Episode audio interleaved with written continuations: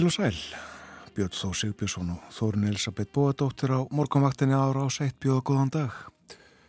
Það er miðugudagur í dag, kominn 3. janúar, klukkunum vantar. Það er bara nýju mínutur í sjö. Við hugum að veðrinu og uh, líkt og í gerðmorgun er nokkur lítalandinu. Hlýjast uh, um það byrju sjöstega hitti við uh, flugullin við Suðokrók og uh, þar var, ef ég mann rétt, í síðustu viku fyrir jól kaldast á landinu. Var það þá þar síðustu viku frekar.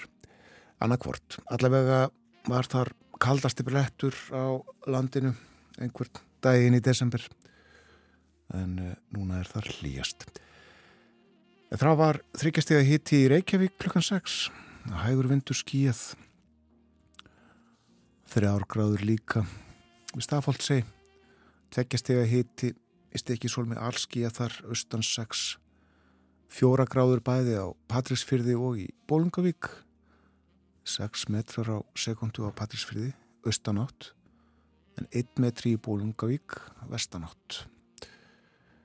Tveggjastega hiti á Holmavík hiti við frostmark á Blönduósi.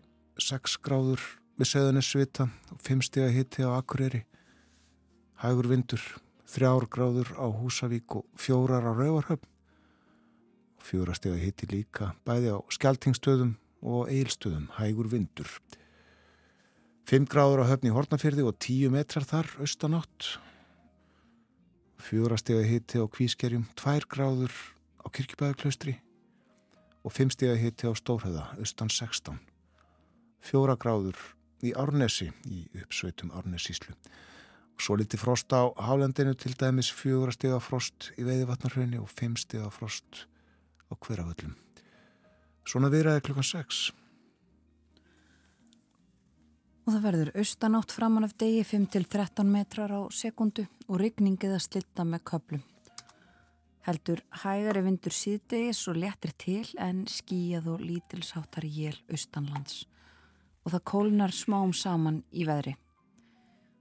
Á morgun er útlýtt fyrir aðgerðalíti veður, segir í hugleðingum veðurfræðings. Það verður norðaustanátt 3-10 eh, metrar á sekundu með bjartveri sunnan heiða en svo lítil jél verða á norðan og austanverðurlandinu. Og frost 0-6 stig á morgun 5. dag. Á förstu dag verður áttinn svo vestlæg eða breytileg og sem fyrr nær vindur sér ekki á stryk. Búast má við dálitlum jæljum í flestum landslutum en undir kvöld ætti að verða þurft á landinu öllu. Svo segir í hugleðingum veðurfræðings að spár lengra fram í tíman gera ráð fyrir að snúist til sunnanáttar um helgina með hlínandi veðri. Í byrjun næstu viku eru þá hitin komin vel yfir frostmark um allt land. Það var okk uh, kólunar svona eftir því sem líður á daginn en uh, hlína svo á sundaginn og uh, eftir helgi síns mér hittin geta farið í áttastíð eitthvað svo leiðis og uh, þá er að nefna aðstæður á vegum landsins og uh, líkt og í gær er vara við flughálku víða um land. Og uh, flughálka hefur litin fjólubláan á vegakortinu og margir kablar fjólubláir eh, flög hálka til dæmis í borgarfyrðinum og eh, víða á Suðurlandi bæði uppsveitum árnessíslu og í kringum Selfos og einnig flög hálka fyrir austan og norðan og vestan. En uh, svo er rétt að nefna það að uh, viðstofan tilkynntum það löstur í háti í gæra að það hefur dreyið úr, eða hafði þá, úr hraðanum á landreysinu við svartsengi og uh, það voru gögn úr GPS-mælum sem að síndu það og um, þau var rætt á samráðsfundi vísindafólks í gæra morgun en það drægi úr hraða landris. Það er vísbendingum að kviku þrýstingur sé að byggjast upp og þar með aukast líkur á nýju kvikulaupi og einni eldgósi og þetta er sambarileg breyting á landrisi og tók að sjást í lókdags 15. desember þá hófst gós þremur dögum síðar. En erfitt er þó að fullir það um hvort að það munstur endur tekja sig. Þannig að alls konar fyrirvarar á þessu. Já, það má kannski líka nefna að hættustíði var aflýst á seyðisfyrði síðdeis í gær en það er áfram óvissu stígu vegna ofanflóða hættu á austfjörðum. Það er ímislegt á dagskráð þáttarins í dag og uh, við nefnum núna að við ætlum að fjalla um Margreti Þórhildi Danadrótningu í uh, spjalli með Borgþóri Argrímsinni eftir morgunfrettir. En uh, hún upplýsti í áarpi, sjónvarps áarpi á gamlástag, að hún ætli að afsala sér krúnunni og sonurinnar Fridrik verður Danakonungur frá með 14. desember. Janúar. Janúar. Þetta er ennþá svolítið vesen. Já, Bæði- það er bara þriðið janúar. Bæði mánuðina og, og svo ártalið. En þetta sest eftir nokkra daga, alveg ábyggilega. Nefna hvað, að uh, þegar Margaret Þórildur varð 70 2010 að þá var haldið meisla og uh, á stokk steg Kim Lassen og uh, fluttið þetta lag sem við heyrum hér Kom í genn Música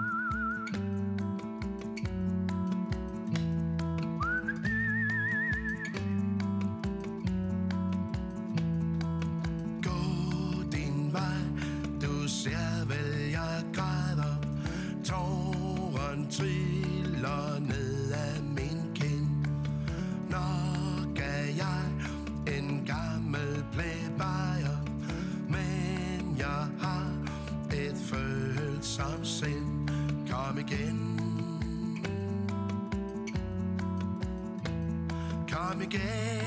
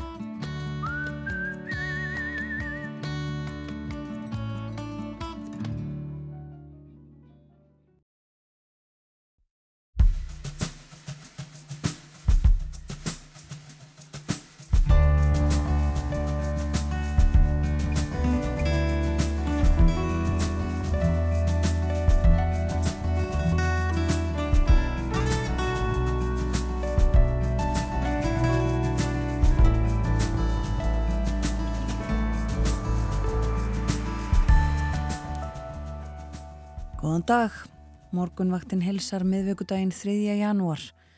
Þáttastjórnendur eru Björn Þór Sjöbjörnsson og Þórun Elisabeth Bóadóttir. Og að því sem er framöndan hjá okkur, stóramálið framöndan í þjóðlífinu eru kjærasamningarnir sem að vonir standa til að umnáist þjóðarsátt og að tilverði þjóðarsáttasamningarnir hinnir síðari. Ágætt hljóður í fórustu fólki, atvinnureikenda og verkalýs reyfingarinnar og ríkistjórnin ætlar að leggja sitt á mörgum. Ástráður Haraldsson ríkisáttasemeri fylgist grant með gangi mála. Hann hefur ekki þurft að beita sér að ráði og þar vonandi ekki en við metum saman stöðuna hér upp úr halv átta. Og tímamót verða í Danmörku um miðjan mánuðin. Aldelis tímamót þegar að 52 ára drotningartíð Margreðar Þórildar líkur. Um fátt annað hafa Danir rætt síðan á gamlástag þegar að drotningin upplýsti að hún ætlaði að afsala sér krónunni. Borgþór Artgrímsson fjallar um Margreti Þórildi og Fridrik Sónennar, verðandi konung. Við reyðlu að dóttir verður svo með okkur í síðasta hluta þáttar eins og segir okkur frá orði ársins hér og þar í heiminum. Þau gefa eða geta gefið einhverja hugmyndum hvað helst gekk á í viðkomandi ríki á nýlinu ári. Það verður austanátt á landinu í dag, 5-13 metrar á sekundu framann af degi og ryggning eða slitta með köplum. Hægir á vindi síðdegis og letir til en það verður skíjað og veða lítilsáttar jél austanlands. Og kólnandi veður í dag. Á morgun norðaustanátt 3-10 metrar á sekundu, bjartviðri á söður og vesturlandi en dálítil jél á norðan og austanverðurlandinu. Og frost á morgun á bylunu 0 til 6 stygg. Það línar svo um helgina. Spár gera ráð fyrir sunnanátt og hlínandi veðri. Hiti er þið komin vel yfir frostmarkum allt land í byrjun næstu viku ef að þessi spá gengur eftir. Og aðstæður á vegum landsins svipaður og í gær flughálka mjög víða. Varaði flughálku svo að segja í öllum landslutum og uh, þetta á bæði við um þjóðveg 1 og uh, einnig fáfarnari vegi í upp og einsveitum og uh, það var lít í gæri en þó ekki nógu lít til þess að bræða svellbunkana og gangstjettum borgarinnar. Og þeir jafn varhugaverðir og í gær. Flughálir alveg. Þannig að Það er betra að fara varlega eitthvað heyrðist af fólki sem að uh, fekk byltu, slæma byltu í gæra á, á svona bunkum og, og uh, já, er ekki rétt að mæla með mannbrótum. Ég held að það sé eiginlega um það byrja eina leiðin til þess að, að komast í gegnum þetta nema fara á fjórum fótum. Það held ég. Og vegfærandur er mitt sérstaklega beðnir um að kynna sér færðina á vegum áður en að farið er af stað og aka með gátt og það á við líka sem sagt um gangandi vegfærandur ganga með gátt ganga með gátt í dag. Langar hérna já, slökka ræska mig afsakið langar hérna aðeins áður en við lítum í nýjustu blöðin að uh, draga hér fram áramóta áverp tveggja fyrir um fórsetan Við fjöldluðum auðvitað um nýjás ávarp Gunnar T.H. Jónessonar hér í þettinum í kjær. Það sem hann upplýsti að hann uh, sækist ekki eftir endur kjöri verða því kostningar, fórsetakostningar í sumar. Þetta í huga að uh, aðtuga hvernig bæði Ásker Áskersson og Kristján Eldjátt hefðu tilkynnt um sambarlega ákvarðin á sínum tíma. Og Ásker Áskersson sagði í áarpi sinu 1968. Það hóst svona, góður Íslandingar nær og fjær, ég óska ykkur öllum hverjum um sig og þjóðinni í held góðs og gleðilegs nýjárs. Ég þakka einnig innilega gamla árið og öll árin síðan við settumst að hér á bestastöðum, góðvild og vináttu sem þeir sem hér sitja geta síst án verið. Á þessum fyrsta degi ásins 1968 tilkynn ég svo ekki verði umvilst að ég mun ekki verða í kjöri við þær fórsetta kostningar sem fara í hönd á þessu nýbyrjaða ári. Fjögur kjörtímabil, 16 ár í fórsetastól er hæfilegu tími hvað mig snertir og þakka ég á hærðum huga það tröst sem að mér hefur þannig verið sínt. Ásker Áskersson 1968. En eh, 1980 þá flutti Kristján Eldjátt sitt síðasta nýjás, nýjás áarp og uh, það var ekki fyrir ný lók þess að hann vekað þessum málum og það á sér sína skýringar. En uh, niðurlægi var svona. Góði landsmenn langt enn og liðið á þriðja kjörtímabil mitt Það er áriðanlega og vittorði flestra að ég hef fyrir allungu gert það upp við sjálfa mig að bjóða mig ekki oftar fram til að gegna ennbætti fósetta Íslands. Fyrir nokkru mánuðum skýrði ég fósætisráþura sem þá var frá ákvörðun minni, svo og formönum allra stjórnmálflokka, en fremur nýlega núverandi ríkistjórn. Og nú skýri ég yður öllum frá þessu ofinbarlega staðfesti það sem fáum mun koma á óvart. Ég neyta því ekki að ég hefði óskað að sitt hvað hefði verið í fastari skorðum í þjóðlífinu nú þegar ég tilkynni þetta til þess að enginn þurfi að velkjast í vafa. En stundar ástand getur ekki breytt því sem þegar er fast ákveðið. Sjálfur tel ég að 12 ár séu eðlilegur og jafnvel æskilegur tími í þessu ennbætti og það er drjúur spölur í starfsæfi manns. Og enginn hefur gott að því að komast á það stig að fara að ímynda sér að hann sé ómissandi. Ímsar personulegar ástæður valda því að ég æski þess ekki að lengja þennan tíma þótt ég ætti þess kost. Svona mæltist Kristjáni Eldjárn 1980 í nýjás ávarpinu. Aðeins kannski e, úr því sem hann fjallaði um áður, ég grýp hérna niður í það. Þetta er áhugavert. Nú höfum við sett oss þjóðfélagsleg markmið sem eru önnur og metnaðafyllri en nokkur gatt órað fyrir til skams tíma. Við viljum ekki að hérlandsmenn búi við skarðari hlut en nágrannar vorir. Þetta er að stefna hátt og svo á að vera. En svo spurning virðist leynast í hugskoti manna og kemur stundum upp á yfirborðið. Hvort landið og landkostitnir rýsi undir þessari stefnumorgun. Hvort Ísland sé þess yfirleitt megnugt að veita börnum sínum allt til alls eins og best gerist í heiminum. Menn veltaði fyrir sér hvort landið eigi sína sög á þeim efnahagstrengingum sem hér virðast vera orðnar landlægar, hvort við lefum um möguleika landsins fram. Annað sem bent gæti til nokkurar vantrúar á landið er brottflutningur fólks sem nú er saður meiri en verið hefur um allant skeið og meiri en eðlegt er og alltaf hefur verið.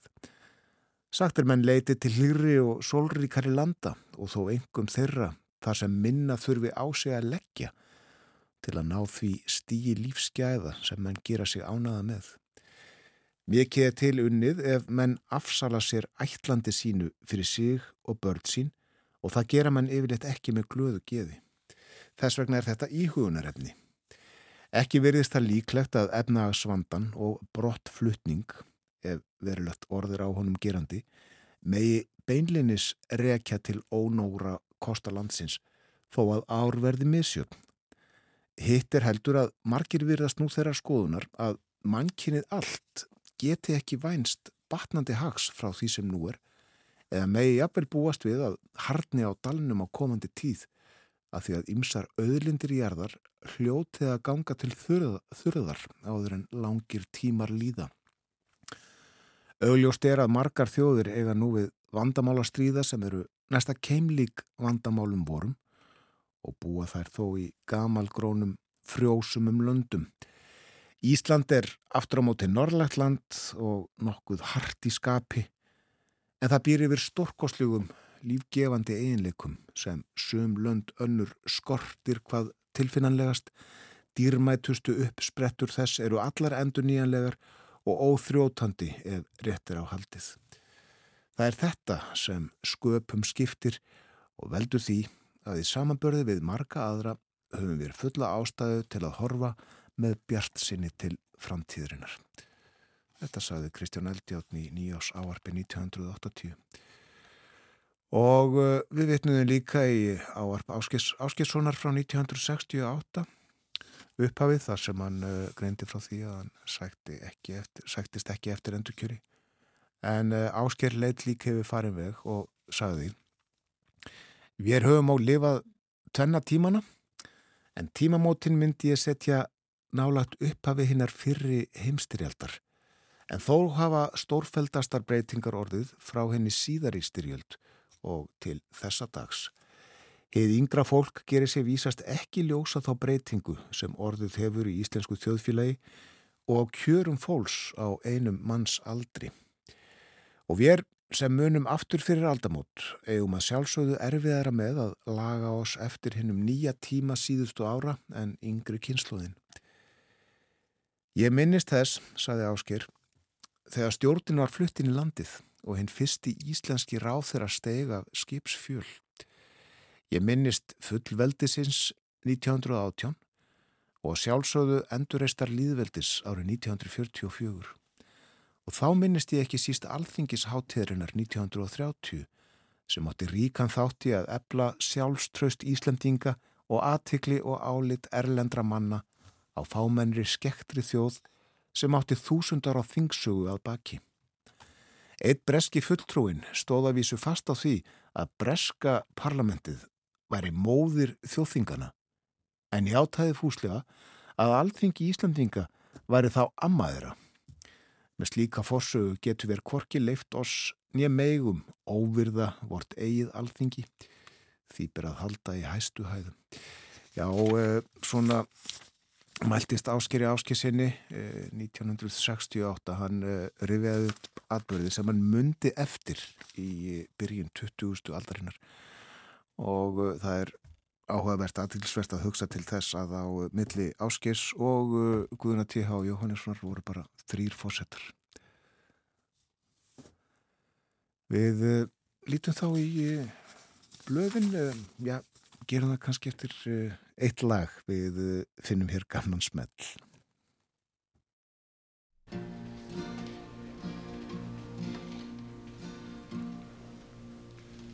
To everything, turn, turn, turn. There is a season, turn, turn, turn. And a time to every purpose under heaven. A time to be born, a time to die, a time to plant, a time to reap, a time to kill, a time to heal, a time to laugh, a time to weep. To everything, turn, turn, turn. There is a season, turn, turn, turn, and a time for every purpose under heaven. A time to build up, a time to break down, a time to dance, a time to mourn, a time to cast away stones, a time to gather stones together. To everything, turn, turn, turn. There is a season, turn, turn, turn, and a time to every purpose under heaven.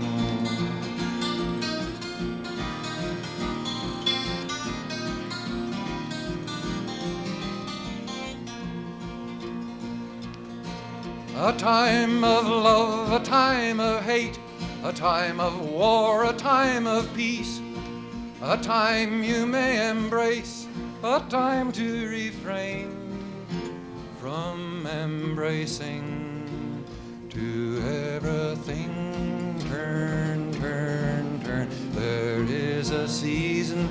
Turn, turn, turn. And a time for every purpose under heaven.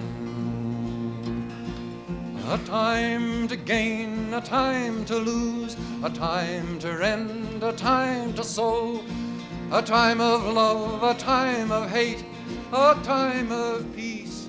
I swear it's not too late. To everything, turn, turn, turn. There is a season, turn, turn, and a time to every purpose under heaven.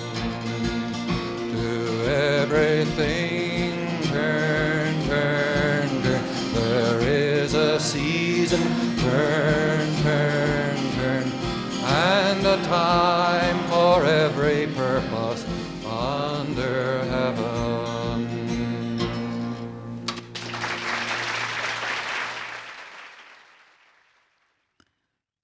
Turn, turn, To everything there is a season. Þetta söng Pete Seeger.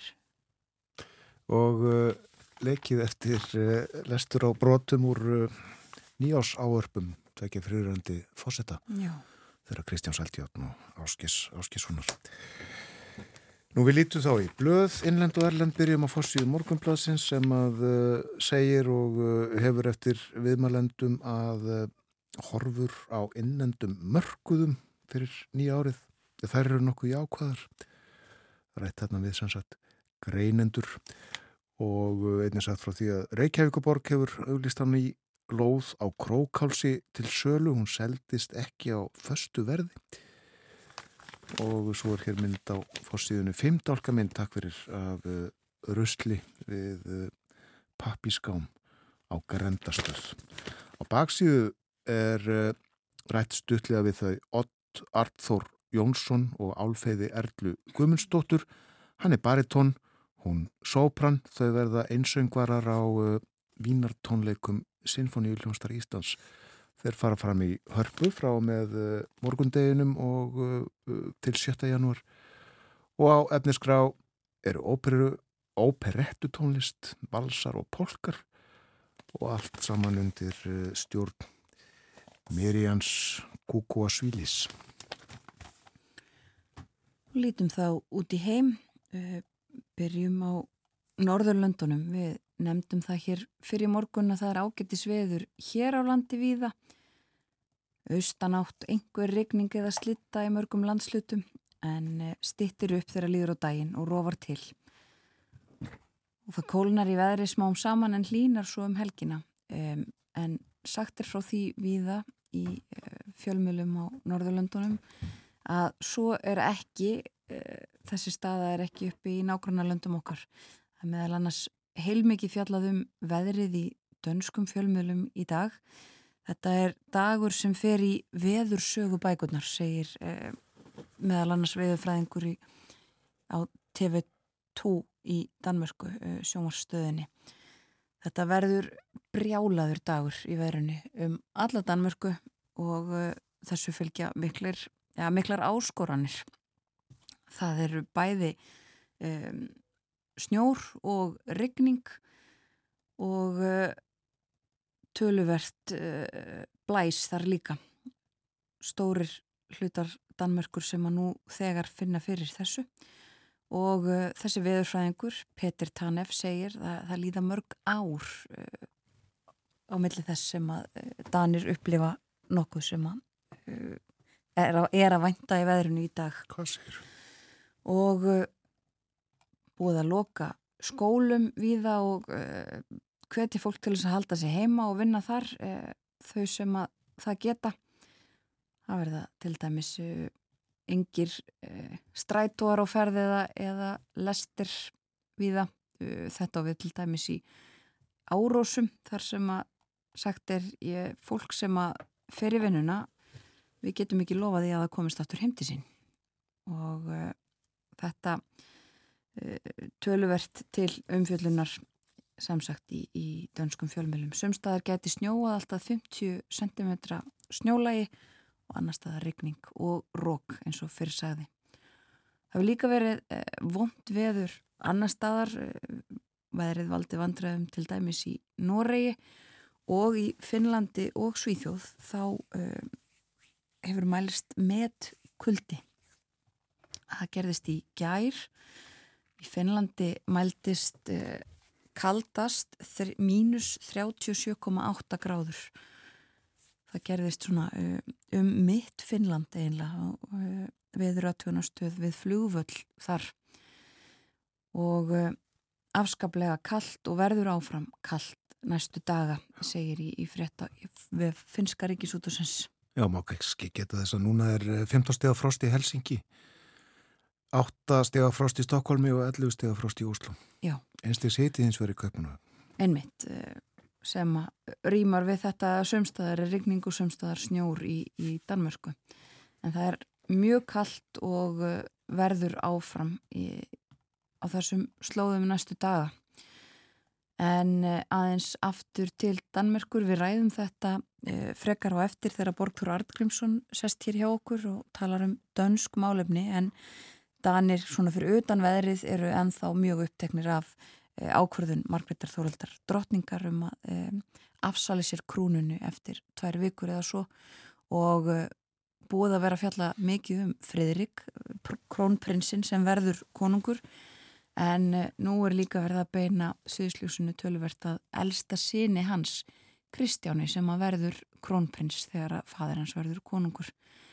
Og tala við sagfræðinga sem að segja hann er í miklu betri stöðu og verðist miklu tilbúnari til þess að taka eh, á sig aukna skildur heldur en pappans var á þessum eh, aldri. Og eh, sem fyrir segir þá förum við nánar í þessi mál hér á eftir. Það fjallaðum uh, sprengju árás, árás sem að Ísraelar gerðu í Beirut í Líbanon í gær sem að varð uh, næst ráðanda í Hamas uh, á bana og uh, nokkrum fleirum. Og uh, í fyrstu þá sögðu Ísraelsmenn ekkert um það hvort að þeir bæru ábyrð á þessari árás en það hefur verið staðfest að svo er. Og Fórsetisráð þeirra Líbanon hefur sakað Ísraelum að reyna að draga Líbani inn í þessar uh, árásir sínar og, og átök fyrir botni miðarhafs. Hesbóla samtökin segja að þetta séu uh, árás á fullveldi Líbanon og Hamas hefur líka fordæmt þetta en þetta sem sagt gerðist í gær ímislegt fleira auðvitað að gerast á Gaza og annar staðar í Ísrael og Palestínu. Um, Ísraelar ætla að uh, mæta fyrir rétt og berjast gegn ásökunum sem að, uh, já, eða kæru sem að Suður Afrika hefur lagt fram um, um þjóðarmorð, það sé verið að fara emja þjóðarmorð og, slíka stríðsklæpi fyrir alþjóða glæpadómstólnum og uh, við nefnum líka að uh, það eru harðari árásir í Úkrænu og uh, hafa hérst líka sprengingar í nótt í suðvestur hluta Rúslands og á Krímskaganum sem er leiðis og hafa farið harnandi loftárásir á milli Úkrænu og Rúslands síðustu daga meðal annars verið ráðist eh, í auknum máli, mæ, mæli á eh, Kív, höfuborg, Úkrænu. En uh, nefnum það líka árum við látum þessu lokið að uh, það er fjallaðum Donald Trump í fjölmörgum erlendum fjölmjölum. Hann hefur áfríað þeirri ákvörðun að meinunum að vera á, já, í kjöri í mein ríki. Þar var sem sagt innaríkisráþara sem að tekur slíka ákvörðun og eh, Trump og hans lögmenn áfríðu þessu í gær. Nóum að vera þar uh, bæði hans herbúðum og annar staðar í bandarískri pólitík. Við langar að nefna eina frett úr bresku miðlunum áður en að við látum þessu lokið. Það er sagt frá nýri rannsókn á fórsýðun á Guardian í Breitlandi í dag og gerð við uh, háskólan í Cambridge og uh, samkvæmt henni þá upplifir helmingur breskra uh, táninga eða úlinga sig háða samfélagsmiðlum. Þeir hafa ekki stjórn á nótkunnsinni á samfélagsmiðlum og þetta kemur á sama tíma og stjórnvöld eru að skoða hvernig hægt er að stemma stigu við áhrifum samfélagsmiðla sérstaklega á einmitt börn og úlinga vandamál við það. Já. Stittist í fréttaðilit hjá okkur hér á morgunvaktinni og uh, svo er von á ríkisáttasemjara til okkar ástráði Haraldsinni.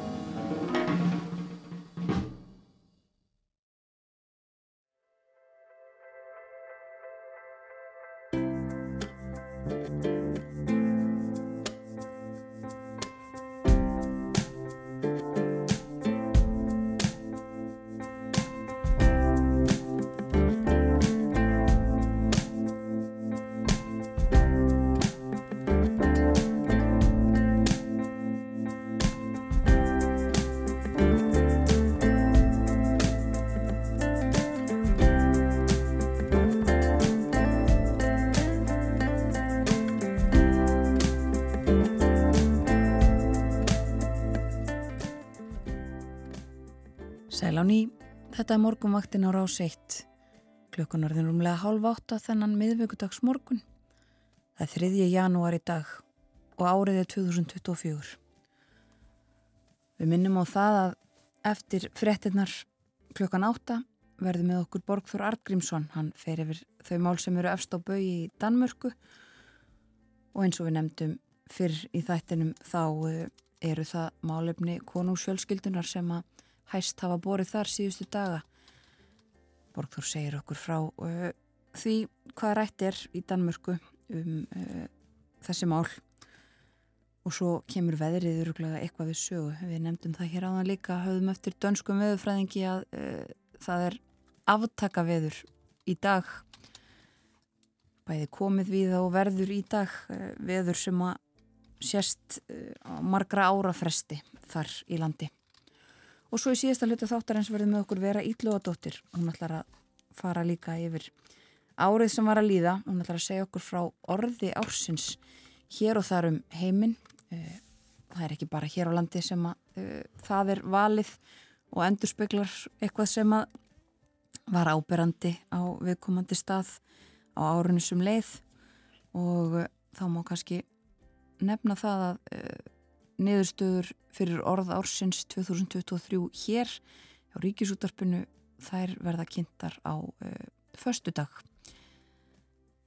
þegar að uh, menningar, viðurkenningar Ríkisútarsins verða afhendar. Nú í marga mánuði hafa ráðamenn og aðri rætt um hvað mikilvægt sé að vel takist til við gerð nýra kjærasamninga og uh, þar ræður auðvitað verbulgan, kjærasamningar geta auðvitað bætt enn í það bál eins og reynslan hefur sínt. En nú er stutt í að gildandi samningar enni út, það gerist bara eftir uh, örfáar vikur. Til okkar er komin Ástráður Haraldsson Ríkisáta sem er velkomin. Takk. Hvernig finnst þið hljóðið í fólki við upp á þessar vinnu við gernýra samninga?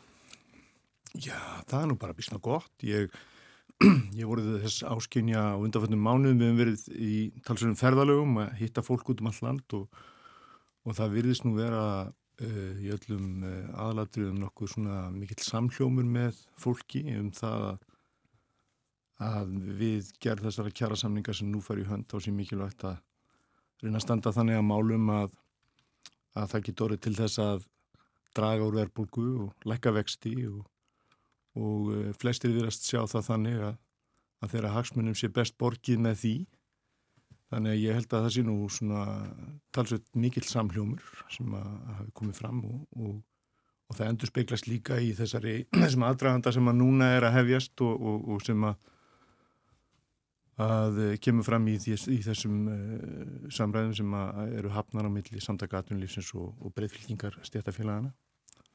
Þannig að já, ég held að, að það sé nú svona en þá sem komið er bara talsveit mikil samljóður. Já, mér fannst á fólki e, fyrir fáinum vikum mánuðum að, að, eh, sko þetta er þið erfitt myndi jáfnvel hér loga allt í illdeilum er, er hljóðið betra en þú bjóst þið eða, eða þorðir að vona?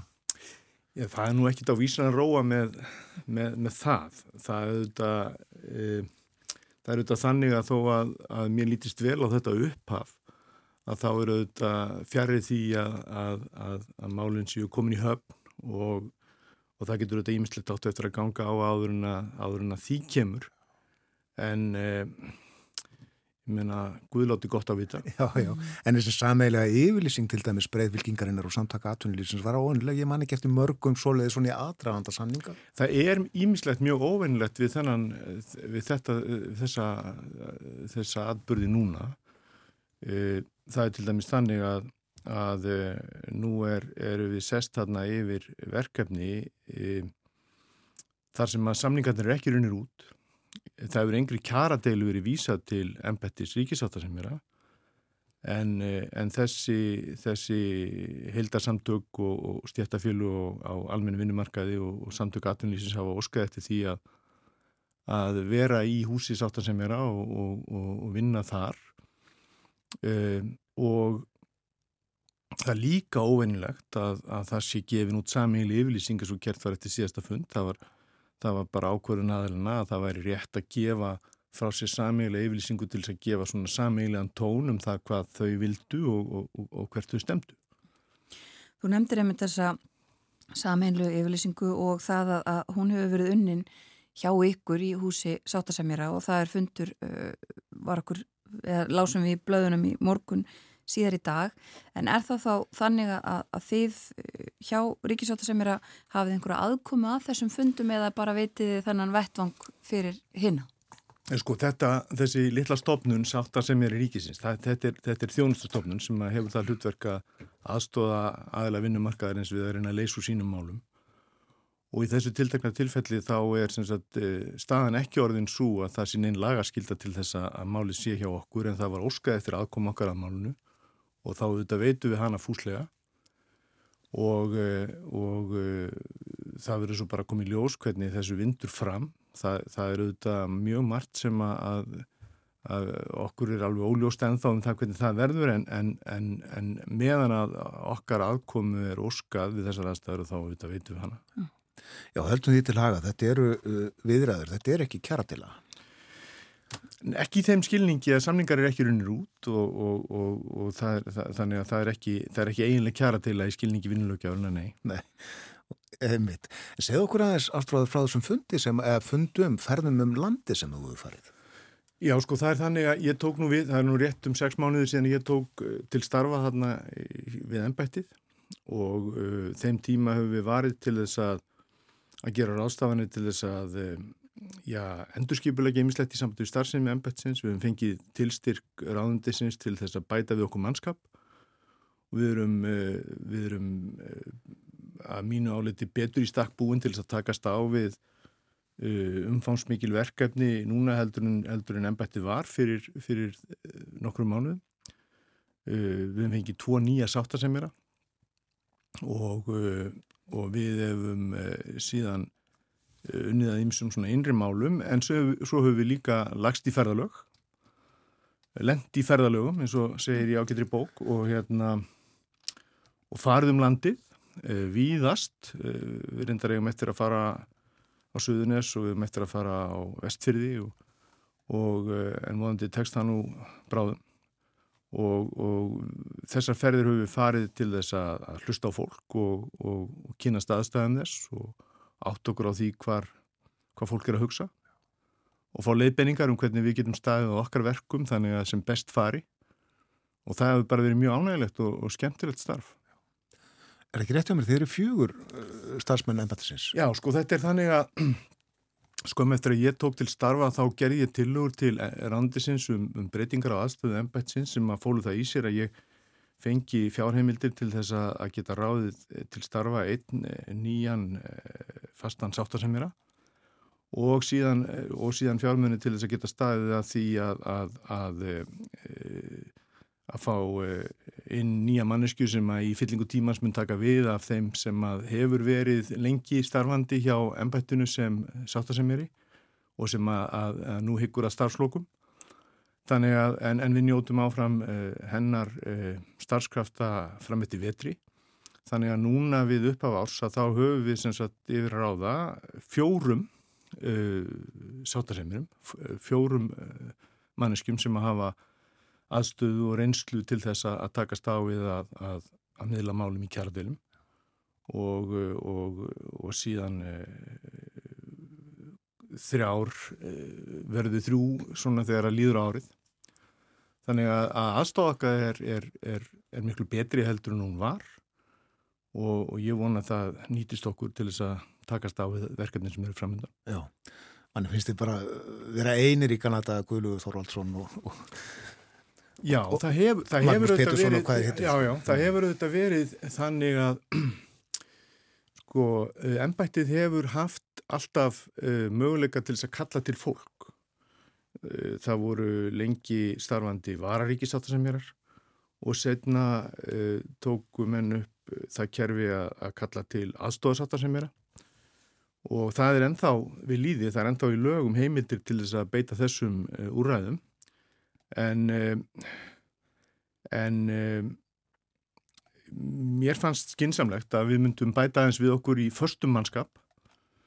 Og vegna þess að það er auðvitað þannig að fyrirrannar mínir hafa, hafa mjög oft verið e, mjög e, með lítinn liðsabla í mjög erfiðum verkefnum og það er bara ekki e, eitthvað sem að mér finnst skynsalagt. Nei.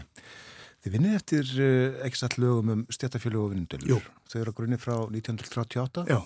Nú verið gerðar ímsa breytingar á þeim í gegnum tíðina en um, eru þetta, finnst þið góð lög? Hefur þið nógu góð úrræði til þess að, að beita þér? Sko, þetta er nú, okkur myndir nú ekki endast dagurinn ef við ætlum að fjallum þetta í miklum smáatriðum en, en það er þannig að þessi lög hafa nú alltaf verið umdilt. Uh, þau voru nú í öndverðu ekki, það var nú ekki hlaupið upp um hálsun á þeim sem að, sem að lögðu þau til í, í upphafi og uh, þeim hefur nú ekkert mjög oft verið breytt en þegar þeim hefur verið breytt þá er það alltaf kostað miklar deilur.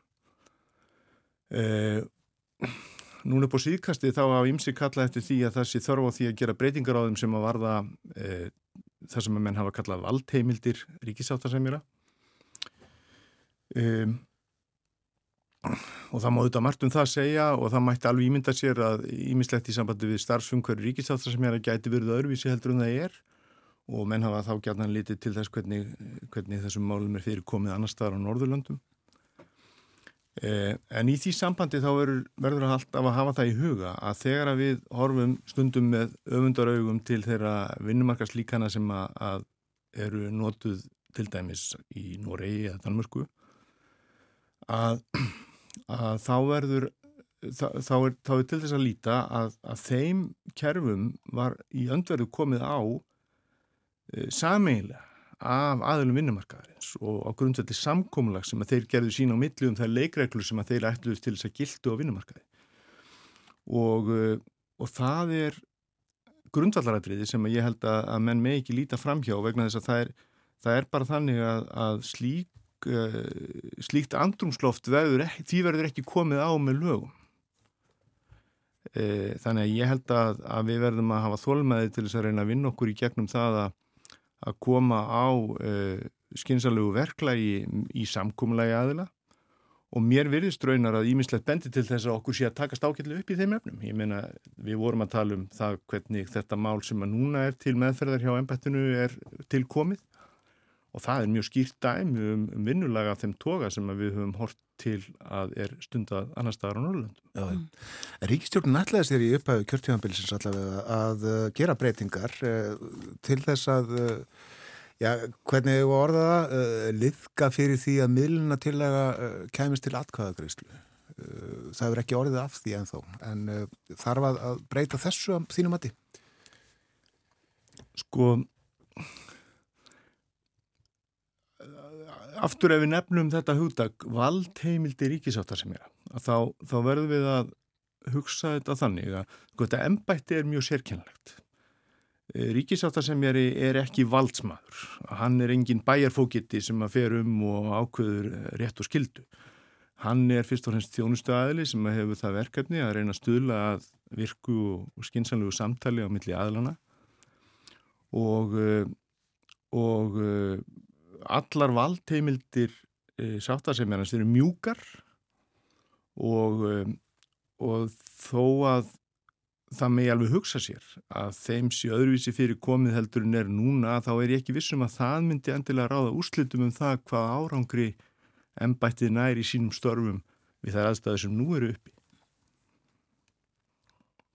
Þú nefndir áðan ástræður eh, við lítum stundum með ja, eh, öfundar augum til eh, Norðurlandana og þeirra svona vinnumarkasmódels og komst líka inn á þetta að það er óvinnilegt einlega hér á landi að, að það séu svona komnar af stað miklar viðræður áður en að kjærasamninga eh, renna út. Það er þetta íslenska fyrirbæri að oftast tekur ekki samningur við af samningi. Það eh, er þannig að samningar eru yfirleitt lausir í einhverja mánuði áður en að næst saman. Er þetta eitt af því sem væri gott ef, ef komið er til að vera að, að það eru breytingar þarna á? Já, þetta eru þetta lengi verið markmið að, að menn reyndu að, að haga vinnusinni svona mm. eh, en ég er, ég er frekar eh, bjart síðan á það að, að við séum að ná fram ímsum breytingum og verklagi. Já. Það er til dæmis eru, eru vísbendingar um það að að vinna sem að samningsæðilar vinna sína á milli á milli samninga eh, í fríðarskildu að hún hafi verið e, unnin á, á miklu markvísari og, og, og, og árangursíkari hátt á undanfötnum árum heldur en, en var áður. Vi, við munum eftir því að e, þau okkar sem eldri erum munum eftir því að, að fyrir árum að þá voru mjög gætan að gera alls konar bókanir á milli aðeila sem að, að ætla til þess að það eruðu unnar á milli samninga og oftast var það ekki mikið úr því. Þetta hefur verið að breytast og uh, það eru ímis verkefni sem eru þess eðlis að þau verða illa önnin undir uh, einhverju, einhverju tímapressu þegar að samningar eru lausir eða verkvall standa og ímislegt eða þannig. Þannig að, að þá, þá er betra að menn hafi meira ráðrúm og tíma og, og svigrum til þess að setjast saman í róliheitum og finna út úr í hvernig best er að koma málum fyrir. Og slík verkefni hafa á undanföldnum misserum mörg verið unnin e, og sum undir handlislu ríkisáttarsemjara e, með meiri árangri heldur en að við höfum oft áður séð. Þannig að ég tel að þessu ímsa vísbendingar um að, að við séum að, að, að þroskast í, í þessu. Er einhver líkur á að nýrsamningu taki gildi núna um leið og uh, sá eldri fellur og gildi? Það er að segja um mánuðamótin Það er nú ekki á valdi sáttasemjara. Það eru aðlættin sem að ráða því. En, en uh, uh, verkefnið er, er komið á dagskrá og, og vinnan er hafinn og hún er unnin af, af, af, uh, af mikill einlægni á báða bóa held ég. Og þannig að ég, ég held að við getum alveg allavega vonast til þess að það geti tekist að þessu sinni, ég, ég, ég ger mér vonur um það. Það er ljóst að ríkistjórnum þarf að hafa aðkomað þessum samningum, mun þú hafa einhverja milligöngu þar um eða aðkomu? Nei, nei, nei, nei, nei. Ég, e, það, það er alþarið undir sem sagt aðilunum og, og svo þá þetta ríkistjórnum komið hvernig að því verður staðið en, en, en við auðvitað bara e, veitum bara þjónustu í, í, eins og við getum. Já. Anna sem er svolítið eh, ég sé í Íslandst kannski ekki alveg en, en það er rosalega fjöldi kjærasamninga mörg eh, félög og, og mikill fjöldi. Eh, er þetta eitthvað sem að uh, væri ráð að breyta? Já þetta er nú frjálst sko. Það er, það er þannig að, að, að fólk hefur rétt til þess að, að stopna og skipa sér saman í stjættafélu og standa að málum eins og það kýs Um, jú, jú, það hefur verið talsett, hafa verið talsett mörg stjættafélag í Íslandi, þau hefur þó fækkað mjög mikið frá því að ég til dæmis kom fyrst að þessum málum fyrir allan okkur árum um, og um, ég veit ekki hvort að þetta ræður endilega úrslutum um það hvort það gengur vel eða illa. Ég er ekki alveg viss um það. Ég, ég held að hérna, ég held að það snúist nú meira um það að við náum að koma okkur upp einhverju svona verklægi sem að, að hendar okkur til þess að, að leysa úr þessum málum og svo hitta, það eru auðvitað ímislegt sko sem bendir til þess að það geti verið e, e, breytingar í, í farvatninu sem að varða umhverfi kjærasamlinga Við, við höfum til dæmis e, nú um nokkurt skeið haft í lögum ákvæði sem að skilda atvinnureikur til þess að greiða sömu laun fyrir jafnvermætt og sambærli störf og, uh, og við, þetta er semst lagaskilda á Íslandi og, og, og reyndar allstaðar í Európu og uh, en það hefur kannski skort tæki til þess að, að mæla hvað eru jafnvermætt störf. Nú er ímislegt sem benn til þess að slík tæki sé að verða til. Eh, eh, og það geti hugsanlega leitt til verulegra breytinga í umhverju kjærasamninga þannig ég er ekkit vissum að þetta að, að það sem við sjáum sem sko stórkoslega vandamál í sambandi við e, e, það hvernig staðið er að gera kjærasamninga akkurat núna verði nákvæmlega eins eftir kannski tíu ár. Ég efast um það. Já, Já emitt og það að deila um keisarnas skegg sko En uh, við þurfum að spyrja þig aðeins um, um flugumfyrastjórana og uh, þar er deila, sannlega, deila, deila þeirra og, og viðsemynda og verkvælsaðgerðir uh, í, í desember. Hvað er frétta þeim málum? Ja, það er fundur í þeirri deilu í dag og vonandi bara þókast þau mál áfram. Annars held ég að sé ekkert að frétta því sem ég sem mér kemur í huga akkurat núna. Nei, eða, eða getur sagt allavega. Já. Það er ekki þannig að þú veist oft ímislegt sem þú mátt ekki segja það. Ég sko, það er þannig að, að, að eins og ég, seg, eins og ég sagði á það, þetta er undarlegt ennbætti. Eh, grundvallar eh, atriði í sambandi við það hvort að ríkisvartar sem er í nær árangri í sínum störfum eða ekki er það hvort að hann ber gæfi til þess að njóta trúnaðar þeirra aðila sem að til hans þurfa að leita? Og uh, uh, þetta ennbætti, það er auðvitað hluti af vinnulögjöfni sem hún nefndir á þann og, og, uh, og það á að vinna á nákvæmlega sama hátt eins og allir aðri hlutar vinnulögjafarinnar að því að reyna að stula því að ebla jafnræði aðilana og í því sambandi þá er trúnaðurinn og tröstið sem að, að sáttasemjörinn verður að njóta begja vegna algjört grundvallarátrið. Þess vegna verður hann auðvitað að passa sig á því hvernig hann talar og má auðvitað ekki upplýsa um hluti sem að honum er trúað fyrir og, og má ekki upplýsa. Við skiljum það. Þakkaði fyrir að vera með okkur hér á morgunvaktinni. Ástráður Haraldsson, Ríkisáttasemjör og gangiði vel í þínum mikilvæga störfum. Takk fyrir.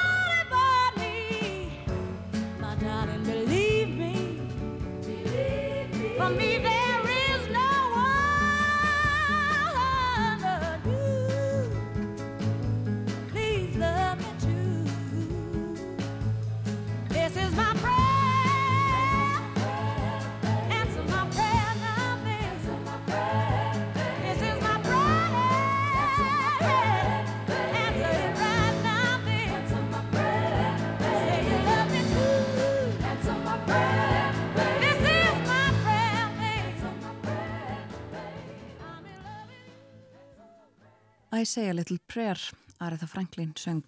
Líkum þetta í kjálfar viðtalsokkar við Ástráð Haraldsson ríkisáttarsemjara. Hann fór yfir stöðuna í kjaramálum uh, með okkur.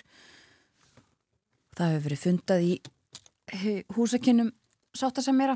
Uh, aðlar vinnumarkaðins hafa úska eftir því að fá að vera þar þó að ekki sé um formlega vinnu deilu að ræða. Það eru uh, alls konar viðræður í gangi og fundur einmitt í dag verður funda klokkan tíu og eh, áfram heldur þessi vinna að því að, koma á kjærasamningum.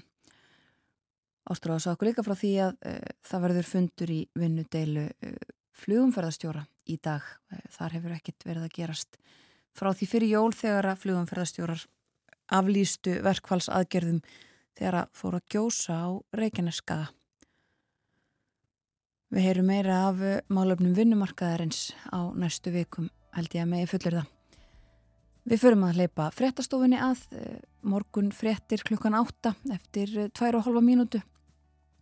Að þeim loknum sest hér hjá okkur Borgþór Artgrímsson. Við ætlum til Danmerkur.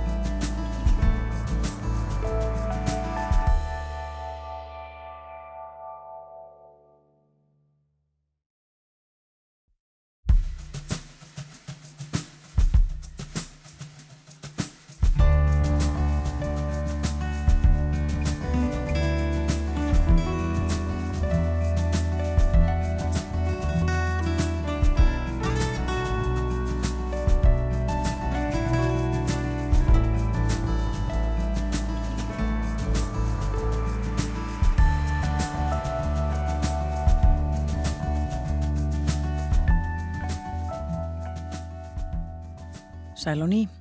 Áframheldur morgunvaktin á rás 1. Morgun frettinnar að baki og klukkan tæpar 6 mínútur gengin í nýju. Fyrir frettinnar var hjá okkur Ástráður Haraldsson ríkisáttasemjari. Við rættum um uh, kjærasamningana, kjæra viðræðunar framundan og ímislegt uh, sem að þessum málum við kemur hvað væri hægt að gera betur og uh, Ástráður var, held ég að mig segja, frekar jákvæður og bjart sín. Það er ímislegt óvinnilegt núna, eh, ekki síst þessar viðræður eh, aðeila vinnumarkaðarins, samtaka atvinnulífsins og það sem kallað hefur verið breyðfylking stjættafélaga sem að eh, hafa sendt frá sér sameinlega yfirlýsingu og koma aftur saman til fundar í karpúsinu í dag til þess að halda áfram að ræða málinn áður en að kjara samningar renna út í lok þessa mánadar. Og við minnum á það að í síðasta hlutu þáttarins verður vera Ylluadóttir með okkur og hún ætlar að segja okkur frá uh, orðum ársins víða. Eh, þau eru valin út um allt af ímsum meðal annars hér á Íslandi. Það verður uh, gert ljóst hvaða orð var valið orð ársins 2023 síðar í þessari viku þegar að menningar, viðurkenningar, ríkisútarsins verða, verða afhendar og uh, stofnun Átna Magnússonar velur líka orð ársins hér á landi. En meirum þetta annar staðar uh, hér á eftir. Nú ætlum við að snú okkar að dönskum málefnum eins og yðurlega á þessum tíma á miðugutugum. Til okkar er komin Borgþór Artgrímsson en við ætlum að ræða svo litið um uh, drottninguna, um konungsfjölskylduna og uh, sitt hvað fleira. Velkomin, góðan dag, gleðild ár. Já, góðan dag, gleðild nýjar. Já, uh, það var eiginlega eitt mál til umræðu í Danmörku, svona fyrstu daga, síðasta dag, síðasta ás og, og þessa fyrstu daga þess nýja. Já, það held ég með einu að segja og eh, ég held að danska þjóðin hafi nú bara stað á öndinni þegar að Margreth Þórhildur tilkynnt í nýjars ávarpi sínu í útverfi og sjónvarpi á gamla ásdag og hún hefði ákveða að afsala sér krúnunni og það myndi gerast 14. janúar og það vissu bara eiginlega yngir að þessu ekki fórsettis á þeirra einu sinni. Leta enga vita. Leta enga vita. Vonandi Friðrik þó. Já, allir það nú ekki. Skulum aðeins hlusta á drotninguna. Lang tid går ikke sporløst hen over noget menneske. Heller ikke mig. Tiden slider, og dårligdommene bliver flere. Man overkommer ikke længere det samme, som man kunne engang. I februar i år gennemgik jeg en omfattende rygoperation. Den forløb, den forløb godt, takket være det dygtige sundhedspersonale, der tog sig af mig. Operationen gav naturligvis også anledning til at gøre sig tanker om fremtiden. Om ikke tiden var inde til at overlade ansvaret til den næste generation.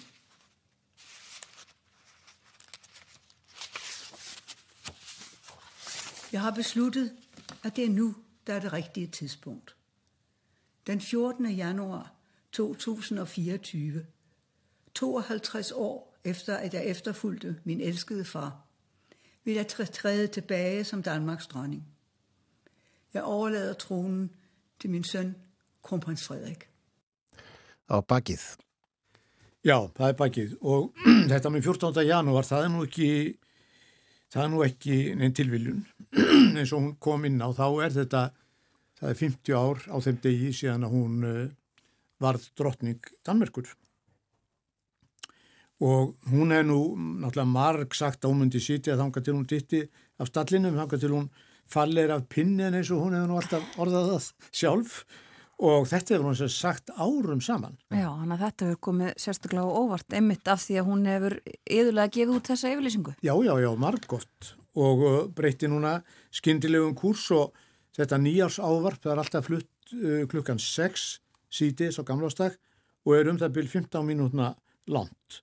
Og eins og kom þetta fram í þessum bút sem að, eh, við heyrðum, þá hefur hún átt við veikindi í, í baki að stríða um allant skeið og fór í mikla aðgerð snemma á síðast ári, sennilega miklu meiri aðgerð heldur en svona var sagt frá í rauninni. Mm. Og í framhaldið þessu þá held hún sín út aldrei til hljés og fól krónprinsparinu Fririk og Meri mörg þessara verkefnan sem hún hefði annars synd mm. og hún talaði þarna um þessi veikindi sín og og það var svona í ræðunni svona aldrægandi þess að hún myndi tilkynna að hún ætla að afsala sér krúnunni og það myndi gerast þennan 14. Já, og eins og þú nefndir aðan, svo dagsetning er engin tilviljun. Nei, það er engin tilviljun og hún tók við sem sagt 14.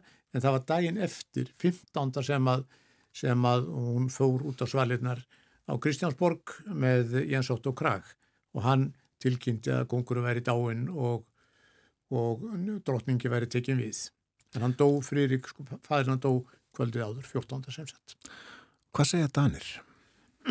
Danir eru held ég bara mjög jákvæðir. Þeir sínaði náttúrulega skilninga, þetta er orðin gömul kona, hún verður 84 ára í apríl og, og hefur nú um, aldrei staðið sína plikt held ég að meginu alveg segja og uh, ég held ég bara skilji það allir að hilsuna vegna þá vilji hún afsala sér krúnun en ekki láta eitthvað gerast eh, sem að verið þessi valdanda og neyðist til að hætta, hún tekur þessu ákvörðun sjálf. Já, en hún hefur notið vinselda, uh, já mikill að vinselda landa sinna. Já, það er alveg rétt og, og nýleg könnun bara núna sem var byrt reynda 30.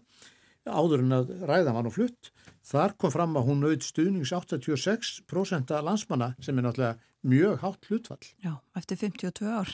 Já, eftir, eftir, eftir 52 ár og það hefur alltaf verið mjög hátt þetta hlutfall þegar það hefur verið kannad. Já, uh, en hvað með konungssjónin og endanlegu Fridrik og, og Mari, eru þau líka eh, svona vinsæl meðal þjóðurinnar? Já, samkvæmt þessari nýju könnun þá eru þau bara alveg á, á pari við drottninguna, bara 84 til 86% sem að lítur að vera mjög jákvægt vega næsti held ég hljóta að vera. Já, um, en sko Borgþór, sent í haust þá var því sleið upp í sænskum og líka dönskum fjölmjölum og, og kannski víðar að Fridrik hefði sérst með konu og gist hjá henni í Madrid það hefur verið talað um svona einhvern, einhvern konunglegan skandal en, en þetta verðist ekki hafa haft neina áhrif Það var eitthvað með eitthvað ferðartösku sást líka á ferðinni, svona hjólatösku eitthvað eins og hann kallaði sko. Þetta, nei, þetta virðist eða svona, aðeins svona talað um þetta, svo bara einhvern veginn þetta, hvar þetta eitthvað út í buskan og, og Mér finnst þetta aldrei fyndið að þessi kona sem er sögð vera vinkona þeirra, hún skulle nú heita Casanova eftir nefni. Mér finnst það nú svona aldrei spauðilegt.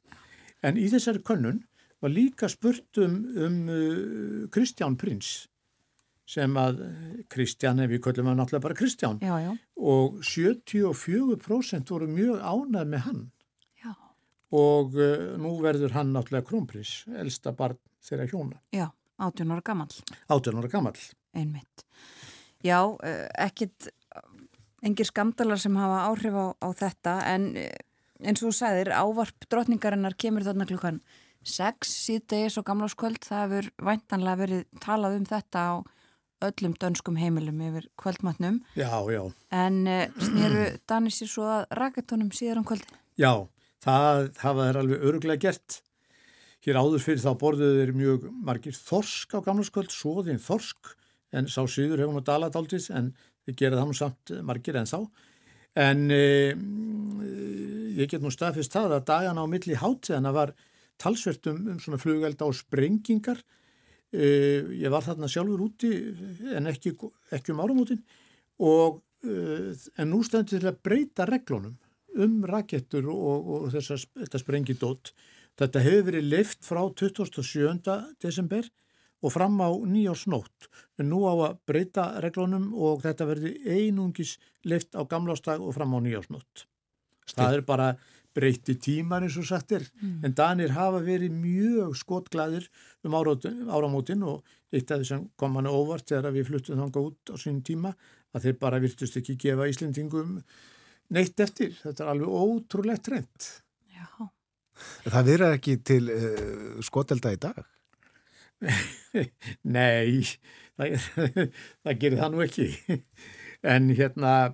Saðu sérsagt frá því áðan að, að það er búist við óveri einhverju því vesta uh, sem hefur gengið yfir Danmörku bara ára byll. Já, og það er búið að vera að vara við þessu og eins og þið myndist nú á hérna áðan að um, að þetta er svona veður sem að kemur bara á margra ára fresti mm. og þegar er orðin 50 cm jafnfallin snjór þá er það náttúrulega orðið geysilega mikið. Já. Ég man hins vegar eftir því að stutt eftir að ég held að það verið 2010 þá var mæltist á Borgundarholmi jafnfallin 1,5 metri. Það var bara meir og minna ófært um alla eiguna í heila viku. Já. En mér langaði að minnast aðeins á að það var eh, ávarp líka Metti Fredriksen. Já, eh, þau hafa þann háttin á í Damörgu að eh, drotningin flyttu sitt ávarp á gamlástag og fósættisráður á nýjástag. Þetta er öfugt hér, fósættisráður hér á gamlástag og svo fósættin á nýjástag. Og það er á sama tíma aðna hjá þeim sko klukkan 6 á, á, á nýjástag og hún sagði nú að hún hefði orðið að rýfa ræðuna því að þegar hún heyrði hvað drotningin segði Já. og um, stór hluti af hennar ræðu fóri að, að tala um drottninguna og rifja svona aðeins upp hennar uh, æfi og störf og, og, og held henni náttúrulega hvert reypi svo talaði hann um átökjun á Gaza og Úgrænu og uh, sem verður náttúrulega ömulegt og einhvern veginn er það að leysa og, og svona og svo var eitt máli viðbót sem hún rættum og sagði sér mikið hjartansmál. Hún sagði frá því að það eru 40 ár síðan að fyrsta glasabarnið fættist í Danmörku og í dag er það þannig að áttunda hvert barn sem fæðist í Danmörku það kemur í heiminn með aðstóð tækninar, tæknifrjókun. Áttunda hvert barn. Og hún sagði að enn væri umræðan um þessi mál aldrei svona tabú en það ættum við að uppræta. Það er mjög margir saman sem að dreymir eh, um að eigna spann eh, en geta það ekki nema með aðstóð tekninar. Hún sagði frá því að framlög til þessara mála þau eru núna stór aukin og ennfremur að stjórnin ætlaði að leggja fram frumvarp um að foreldri eða foreldrar þeir fengju ókeipis meðferð til að geta eignast barn nummið tvö. Því að það er svo margir sem að það er sko, hefur verið borgað semst fyrir eitt barn en núna ætla stjórnin að beita sér í því að það verði borgað fyrir tvö börn. Hún eitti miklu púðri í þetta. Já, Já. þetta var dreigð fram í fréttum hér, uh, sá ég, en þetta er fókdýrt nefnilega. Já, þetta er fókdýrt og, og það komið svona aðeins á óvart hvað hann eitti miklum tíma í að, að tala um þetta. Já, er fæðingatíðinni á hraðri niðurleið í Damörku eins og við annar staðar? Já, hún er á hraðri niðurleið í Damörku. Samt finnst manni nú svona maður sjá viða fólk með, með smá krakka og, og svona barnavagna og, og svo leiðis og og sumum svona matsöldstöðum og kaffihúsum er, er beinleins gert ráð fyrir að fólk geti verið með, með barnavagna og kerrur og, og svona og, og ekkert verið að hamast við því þó að sé verið að gefa brjóst og svona en, en sjálfst er það nú upp og ofan. Mm. En það er sem sagt, þetta hefur verið málmálana og nú tekur óveðrið við held ég Já. Og það er verið að hvetja fólk eins og þeim myndust við ná að vera bara heima. Og þetta á að ganga yfir og það var verið að breyta spánni. Hún, þetta viður á að ná, ná lengra söður eftir en áður var gert ráð fyrir eða semst í gær. Og svo bara dinur þetta á bæði rókorikning og snökoma. Hér er uh, talsveit fjallaðum uh, eh, hlínun lofslags, uh, lofslagsbreytingar og öfgar í veðri, öfgarnar þó aðalega annar staðar í heiminum og sagt frá þeim ítalega hér í fréttum vanlega. Er þetta ofalega á baui í, danskri þjóðmáluumröðu? Já, ég held að nú alveg út að segja það. Þetta, þetta er ofalega á bauju þar eins og svo sem allstaðar og sínist nú þetta sitt hverjum og danir, þeir eru nú svona daldið eins og við, þeir eru nú mikil neslu þjóð og það sapnast mikið fyrir þar af allskynsurusli og mik mikið um mat sem er hent og svona. En það eru mörg ár síðan að, að, að farið var að koma upp og ég svo sem þekkja ekki nákvæmlega núna en fyrir mörgum ára þá farið að koma upp svona búðum þar sem að uh, var bara ókeipis matur, það er að segja vestlanir það er komið með mat sem var svona uh, komin á næst síðasta snúning skulum við segja og, og hún var þar komið fyrir og þar gætt hver sem er komið og, og, og tekið. Þannig er unnið gegn matasónum þar? Já, unnið gegn matasónum og þetta var þegar þetta fór í gang svona 2011 kannski eitthvað svo leiðis, þá naut þetta mikill af vinsald og maður sáða mikil trafík í, í þessum búðum. Það var nú einn stuttfráði sem ég bjó og og svo var það bara eða allt búið eins og gengur. En uh, það er uh, unnið uh, ötulega að því að draga úr nótkunni jarðarna eldsneitis í Danmörku áform uppi kynnt fyrir einhverju mánuðum um að reysa mikla vindmilu garda. Já, já, það er, það er hinn eilífa umræða og svo vil náttúrulega vilja allir fá þetta en engi vil hafa þetta hjá sér. Það er eins og með svo margt. Já. En svo umræða er mjög háver og Danir er mjög framalega á þessu sviði að, að framleiða vindmyndur hafa unnið í þeirri tækni árum, árum saman. Mm. Við uh, hlustum á lag, Borgbór, eins og vanlega og uh, við drögum hér fram tónlistamann sem heitir uh, Malte Eberg. Já. Segðu okkur frá honum. Það er nú, það er nú vel við hæfi að, að, að flytja þetta lag. Þetta er nú tiltöla ungur tónlistamæður Hann er söngvari og útvarpsmaður og hann flutti þetta lag í 50 ára krýningaramæli drottningar fyrir tveimur árum og það heitir Må ég kalli dem for du vegna þess að drottningin hún er nú ekki dús við hvert sem er mm. og eh, þeir dálta í grínaði eða svona hlóaði Danitin svolítið þegar einhver frettamæður sagði sko dú við hana og þá sagði drottningin að ég held að við höfum ekki verið saman í skóla. Við horfum á, á eh, myndband eh, frá flutningi lagsins við þessa aðtöfn. Já og hann endaði með aðfendinni Rauðarós, gekk yfir salinu aðfendinni Rauðarós. Hún hefði gaman aðeins og þótti vantum. Já, hún hló og hafði greinlega mjög gaman aðeins og líka allir aðrir í salnum.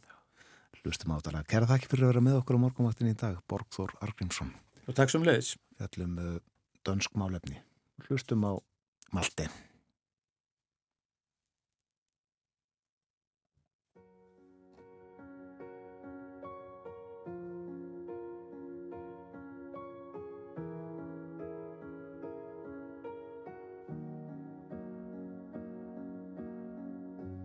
Første gang jeg så dem var jeg syv år. Klistret til skærmen, det var nytår Deres tale var så smuk. Tiden flyver, deres børn er blevet forældre. Men hendes majestæt er aldrig blevet ældre. De er stadig smuk. Jeg har hørt de ryger kings. Jeg kunne være deres prins Rider hele vejen til slottet Bare for en enkelt dans. Jeg er klods hans Uh, vil de lade mig kalde dem for du? Jeg vil give dem hele verden Og det halve kongerige Hvis jeg kunne lad mig kalde dem for du. Jeg har ventet hele livet. De behøver ikke at svare mig endnu. Jeg har en spargris fyldt op med mønter Deres ansigter på dem. Gud, hvor det pynter. Jeg har så svært ved at give dem væk. Uh, yeah. For min kærlighed er stor ligesom Asian Vi kunne tage derhen, bruge hele Appanation På en panda eller to. De elsker ringenes her. Men hvad med Frodo her? Der vil gå hele vejen til Mordor For at få et glimt af Daisy. Må jeg kalde dem baby. Uh, vil de lade mig kalde dem for du? Jeg vil give dem hele verden Og det halve kongerige Hvis jeg kunne. Vil de lade mig kalde dem for du?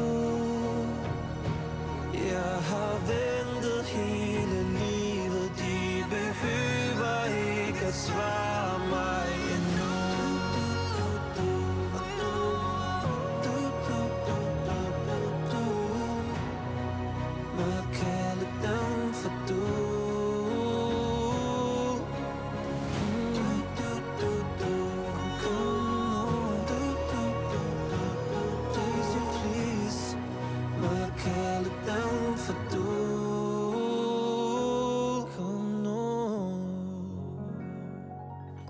Bevarer Danmark.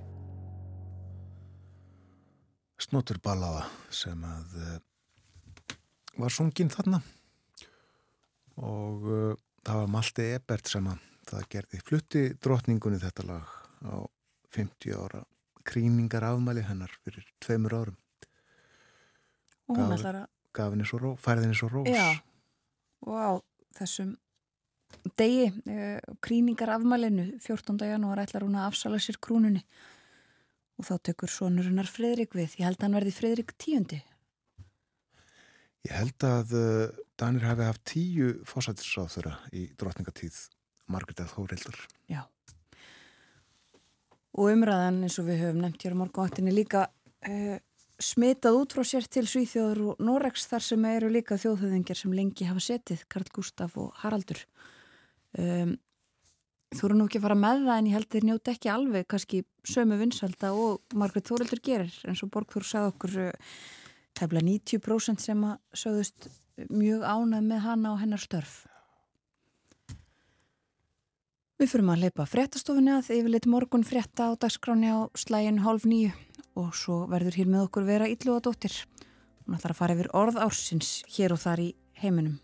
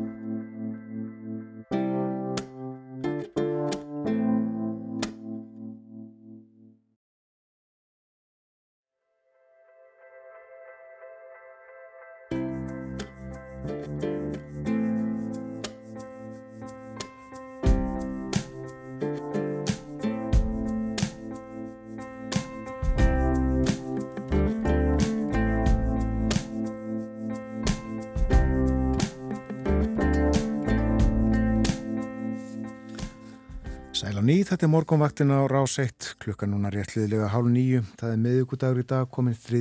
janúar. Og framöndan síðast í hluti þáttarins og hann hefst á veður horfum dagsins. Það eru svo hljóðandi austan 5 til 13 metrar á sekundu, sekundu framan af degi og ryggning eða slitta með köplum. Heldur hæðari vindu síðdeis og það létti til en eh, skíjað og lítilsáttar jél austalands og það kólnar eftir því sem líður á daginn. En uh, hittast í uh, núna svona þrjár, fjórar gráður eitthvað svo leiðis en uh, já, kólnar og verður svo enn kaldar á morgun fymtudag og áfram kólnar föstudag og lögadag en svo tekur að hlýna á ný. Og er búist við að það verður jafnvel áttastega hitti held ég, held ég farið rétt með það hér eftir helgina. Já. en orð dagsins á Íslandi og gerðdagsins svo sem líka er uh, flughálka, flughálka á uh, vegum um uh, eigilega all land eða í öllum landslutum og flughálka líka á gangstjéttum þar sem að svellbungar hafa myndast og þeir blöytir eftir ímist regningu eða bráðnun og varhugaverðir í meira lagi. En orð ársins. Hvað ætli það sé? Það kemur í ljós uh, hvert orð ársins 2023 á Íslandi var uh, á förstu daginn við uh, aðtöfn hér í ríkisútarpinu en við tókum þennan sið upp eftir einhverjum öðrum þjóðum að velja hér orð ársins og það verðist okkur gert mjög víða á vera illa og dóttir er komin til okkar með orð ársins hér og þar. Já, orðársins eru sannarlega valin víða í mörgum uh, tungumálum af uh, mörgum mismunandi aðilum og ég held það með fullir að það að það sé sífilt að bætast uh, við í þann hóp uh, tungumála, landa og, og, stopnana sem, a, sem að uh, halda upp á áramóta og þennan hátt að velja orð ársins hvort sem það er með uh, kostningu, almennings eða öðrum leiðum og eins og segir þá eftir að tilkynna orð uh, ársins í íslensku en það er, það er búið uh, víða, víða, víðast hvað er þetta gert fyrir uh, áramót. Og frægasta orð ársins sem að valið er það er eflaust þegar að útgáfu félagið Oxford University Press velur orð ársins á ennskri tungu.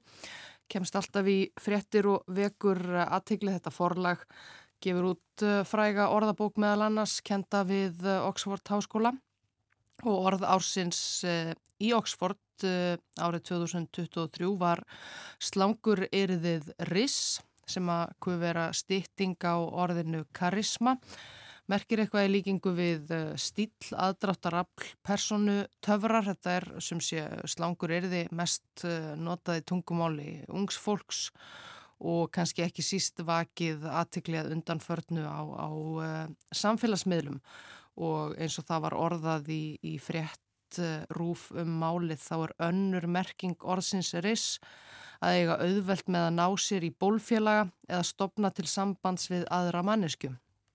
Þetta var uh, eh, sumsi orð ársins hjá Oxford. Það hafði nú alveg farið fram hjá mér persónlega þetta orð áður en það varð fyrir valinu. En uh, sérst sem leiðist, það hefur greinilega vakið, vakið aðtekli uh, eh, vissra hópa á liðinu árið því það sérst sem leiðis á listum annara tungumála þar sem að, að tekin eru kannski sérstaklega ungdómsorð sem að, sem að verið hafa svona mikið, mikið á, á liðinu ári og hefur þessar tvær merkingar sem sagt. Já, og kannski me meira notað eh, heyrist mér í, í þessari síðari merkingu að eiga auðvelt með að ná sér í, í bólfélaga eða hafa, hafa aðdráttaraflið til, til þess. Uh, nú svo er það uh, bandaríska forlæðið Merjam Webster sem uh, er sumulegðist þekktast fyrir orðabækur, orðabækurnar sem að það gefur út sem að einnig velur orð ársins í ennskri tungu. Gera það á allt annan hátt en Oxford þar sem, að, þar sem að valið er í höndum einhverja sérfræðinga. Merjam Webster vekur aðtikli á því orði sem að var oftast flett upp í orðabók forlagsins á netinu á árinu.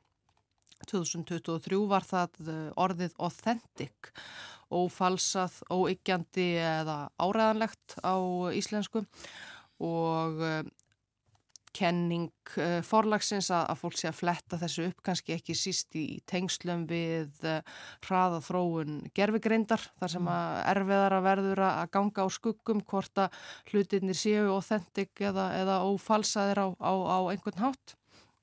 Uh, þannig að það, það orð, authentic, var, var, var lesendum Merján Webster orðabókarinnar mest hugleikið á árinu.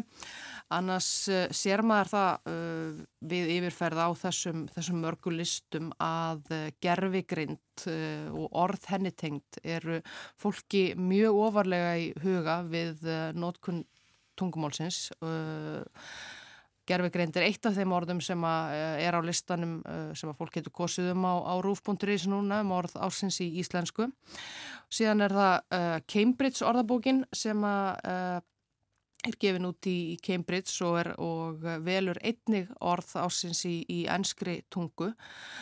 Þar var orðið hallucinate sem að þýðir jú ofskinjanir eða að, að ofskinja á einhvern nátt og og eh, kemur fram í umfjöllunum um það að á árinu hafi verið bætt við, eh, bætt við skýringu á því orði uh, hallucinate í Cambridge orðabókinni bætt við nýri uh, merkingu sem er, er notað yfir í að rugglega þvælu sem oft er afrakstur uh, þess sem að gerfi greint lætur frá sér.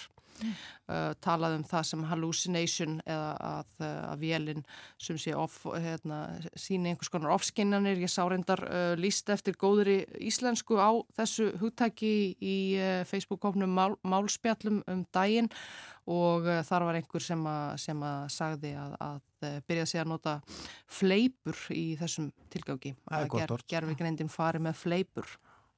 Nú, Collins orðabókin í Breitlandi, hún valdi hreinlega uh, eh, AI sem uh, orð ársins, AI, skamstöfunin fyrir Artificial uh, Intelligence og þurft ekki að hafa mörg orðum um, um ástæðu þess, annars eru Collinsmenn skemmtilegra því leiti að þeir byrta líka lista yfir svona ímis orð sem að vöktu aðtegli á árinu og þar koma ímis orð líka meðal annars de-influencing Eh, sem er eins konar andstæða við eh, að vera áhrifavaldur á, á samfélagsmiðlum, að nota samfélagsmiðla til þess að hvetja fólk til að kaupa ekki ákveðina vörum eða gera mm. ekki ákveðin, eh, ákveðin hlut fyrirbæri sem að mun hafa vakið aðtikli á, á liðinu ári. Collins uh, kemur líka með hugtækið sem einhverjir muna kannski eftir frá því fyrir árið síðan Nepo Baby, fræntiklis börn, börn sem að njóta góðs af fjölskyldu tengslum í sínum ferli. Þetta, var, þetta hugtæk fór á mikið flug hér í Áslokk 2022 í tengslum við afkvæmi fræga fólksins í Hollywood og var uh, líka rættum hér þá var talað um kultúrbörn í menningargeiranum. Og uh, fleiri skemmtilega orð á lista. Collins og eru þetta uh, fleiri ennsku mælandi lönd Macquarie Dictionary er, er orðabók sem að gefa henni út í, í Ástralju og velur orð ársins þar í landi. Þar er orð ársins 2023 Kossi Livs, stafað C-O-Z-Z-I-E-L-I-V-S. Þetta er eh, sem sé eh, létt eh, stytting á cost of living, Kossi Livs, framfærslu kostnaður. Hann hefur verið mikið í umræðinni í Ástralju sem annar staðar og þessi ákveðna stytting mun vera uppbrunnin í Breitlandi en, en kuð passa sérstaklega vel svona við eh, ástrálskan anda eða, eða þjóðarsála að mati þessar orðabókar að nálgast svona stort og, og alvarlegt félagslegt og efnahagslegt eh, vandamáli eins og, eins og hækkandi framfæslukostnað uh, af gaman semi og óformleg heitum því að stitta það niður í þetta Cozy Lives. Og önnur uh, Annað hugtak í Ástralju sem að, sem að vakti miklu aðtekli á liðinu ári er, er Blue Sky Flood Uh, flóð, uh, flóð með heiðan heiminn, flóð sem að, uh, kemur ekki til vegna úrhellisrygningar eða, eða yllveris, heldur vegna hækkandi sjávarstöðu eða, eða, eða annar afleðinga lofslagsbreytinga vakti sumleis aðtegli í Ástrali og árinu. Nú, svo getur við fært okkur aðeins nær okkur og farið til Norðurlandana Orð ársins í, uh, í Danmörku er valið af þætti í Danska ríkisútarpinu Klóp og Sprók. Það eru hlustendur sem að senda einn orð sem að domnemnd skipu sérfræðingum velur síðan uh, úr og þetta er ekki endilega nýjirði. Uh, heldur orð sem að já, eiga hafa sett mark sitt á árið á einhvern hátt og, og geta jafnvel verið stuttir frasar eða, eða sérnöfni fyrra var það Kíf Kænugarður sem að var orð ársins hjá dönum höfuborg Úkrænu og eh, gerfi greindin líka dönum ofarlega í huga í ár þar sem að orð ársins er hreinlega tjatt GPT, nafn uh, gerfi greindar spjallmennisins uh, fræga sem margir hafa leikið sem með á, á, á árinu. Og í Danmarku var líka valið uh, sérstatt ungdómsorð í ár sem að var áður nefnt RIS sem að einni greinlega hefur, hefur verið notað í, í dönsku. Í Noregi er það norsk málnemnd sem að eh, kýs orð ársins og hefur gert um árabil orð sem eiga að vera eh, nota drjú og, og samsamast norskri tungu og uh, þar var líka fyrir valinu uh, gerfigreindar orð K.I. senerert eða skapað með gerfigreind. K.I. er skamstöfun á kunstig intelligens í norsku og norðmenn og sérstaklega fjallaðum það í umfjöllun um þetta orð ársins að norðmenn uh, hafa ólíkt dönum og uh, svíjum þýtt þessa skamstöfun sem að víða er, er notuð fyrir uh, gerfigreind í dönsku og sænsku er enn talað um AI uh, eins og í ennskunni en norðmenn í, í, nor í norsku þá hefur KI náð fótfestu fyrir kunsti intelligens. Þannig að það er orðársins í Noregi, annars eru mörg uh, skemmtileg og áhugaverð orð líka á, á uh, lista norðmanna yfir áhrifamikil orð á árinu. Þar má nefna til dæmis uh, orðið miljardérflugt, flótti miljardamæringa, hefur borðið vist mikið af því að auðvýr uh, norðmenn sé að setja stað í, í, í Sviss eða öðrum ríkjum með lága skatta til að komast undan því sem að þeir telja háir, háan skatt Noregsríkis og eh, þetta orð notaði yfir það. Annað orð sem hafa gefur aðtekli í Noregi á, á, á liðinu ári er demenskúr, kór fyrir fólk sem þjáist af elliglöpum. Fyrst í slíki kórin var vist stopnaður í Noregi fyrir áratug síðan en uh, á síðasta ári þá voru síndir heimildathættir í norska ríkisjónvarpinu um einn slíkan kór sem vakti mikla uh, aðtegli og þetta orð komst í notkunum um þetta fyrirbæri.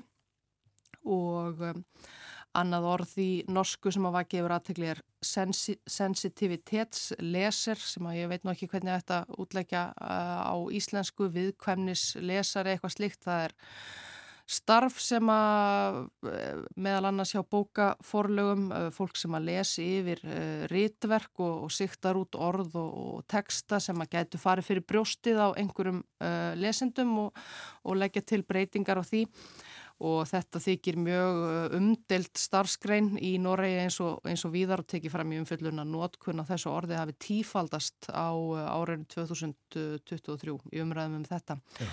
Svo er eitt orð á lista normanna sem er uh, alveg eins á íslensku og norsku uh, og hefur borðið mikið uh, meira á, uh, segir í norskri samfélagsumræðu síðan í haust og það er orðið dýrtíð sem að hrjáir uh, norðmenn. Það er eins í þessum tveim tóman mjög. Já, nokkur nú einn eins. Í uh, Svíþjóð er það síðan sömulegis uh, stopnunum sænska tungu sem að eh, tekur árlega saman uh, lista yfir uh, nýjirði sem að komi fram og orð sem enkendu árið sem er að líða. En það er ekki valið beinlinis eitt orð ársins heldur aðeins byrtur þessi listi sem að geta verið eitthvað um 20 orð eða svo. Og uh, mjög gaman að fara yfir hann en þar sömu leiðis er þó nokkuð um gerfigreindar orð AI klónað er eitt afritað með hjálp gerfigreindar eða klónað og eh, fleiri orð sem, að, sem er ekki má til, til nýrar uh, tækni en líka sömuleiðis uh, forvitnileg orð. Eitt orðið á listasvíja er tantparkúr maður geti sagt uh, kerlinga parkur, parkur þessi íþrótt uh, sem að snýst um að, um að komast yfir hindranir uh, með fimmleika kunstum í, í almannarými. Í Svíþjóða er búið að finna upp sem sé kerlinga parkur þar sem að slíkar æfingar eru gerðar léttari fyrir eldra fólk að njóta líka. Og síðan eru önnur orð á listasvíja eins og að dopamin fasta, að fasta eða forðast það sem að, sem að losar heilabóðefnið dopamin, svo sem eins og að, að leggja síman uh, frá sér, sleppa áfengisneislu eða, eða, eða annað.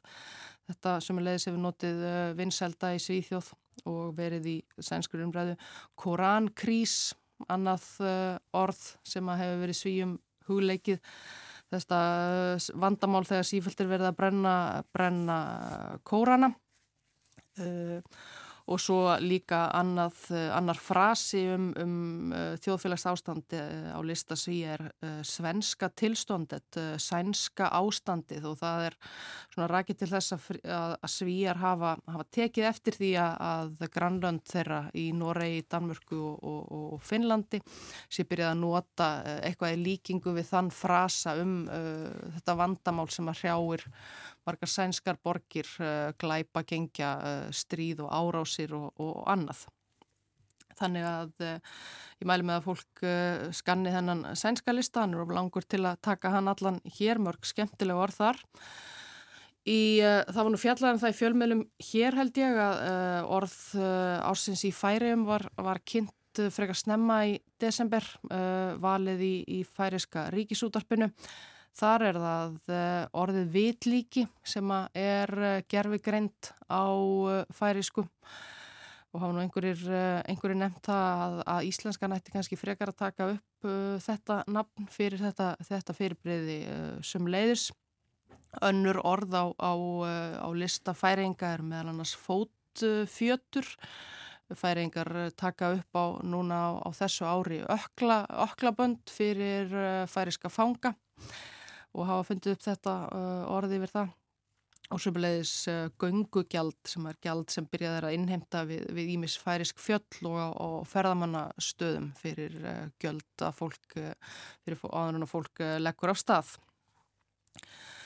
Og í, svo getur við farið yfir nokkur önnur uh, tungumál í Þískalandi þá er það Þísk málstofnun sem að velur líka orð ársins þau eru oft svona frekar uh, í alvarleiri kantinum hjá, hjá uh, þjóðverjum og uh, í ára er það krísenmótus sem er þýðinga á því sem að í ennsku kallast crisis mode skonar ástand þar sem að allir eru í, í stöðugri viðbræðstöðu vegna yfirvofandi hamfara eða annara, annara krísa og talaði um það í umfjöllun málstofnunar að þísk stjórnvöld uh, hafi nú árum saman bara uh, farið úr einni krísu í, yfir í aðra, úr uh, COVID-faraldrinum yfir í Ukrænustríðið og, og nú sé það Gaza og, og, og Ísrael. Og tvö önnur orð sem að rata, rata á lista þjóðverja það er annars vegar antisemitismus gýðinga andúð sem að mikið hefur verið til umræðu í Þýskalandi upp á síðkastið og svo uh, lese unfehík, uh, ólæs og það voru þýskir nefendur sem að komi vist heldur ekki sérlega vel út úr uh, písakönnuninni hér, hér nýverið og talaðum, talaðum ólæs í sambandi við, við, við það. Mm. Og svona rétt í lokin uh, má nefna orð ársins á spáni í spænskri tungu. Það er polarisasjón eða skautun í þjóðfélagsumræðu en uh, kannski rétt að nefna það að spánverjar voru ári á undan og uh, voru með orðið gerfigreind artificial intelligence sem orð ársins í fyrra þannig að þeir voru skrefi á, á undan flestum öðrum Evrópið þjóðum og, og ennskumælandi löndum í þessu. Ymmiðt það.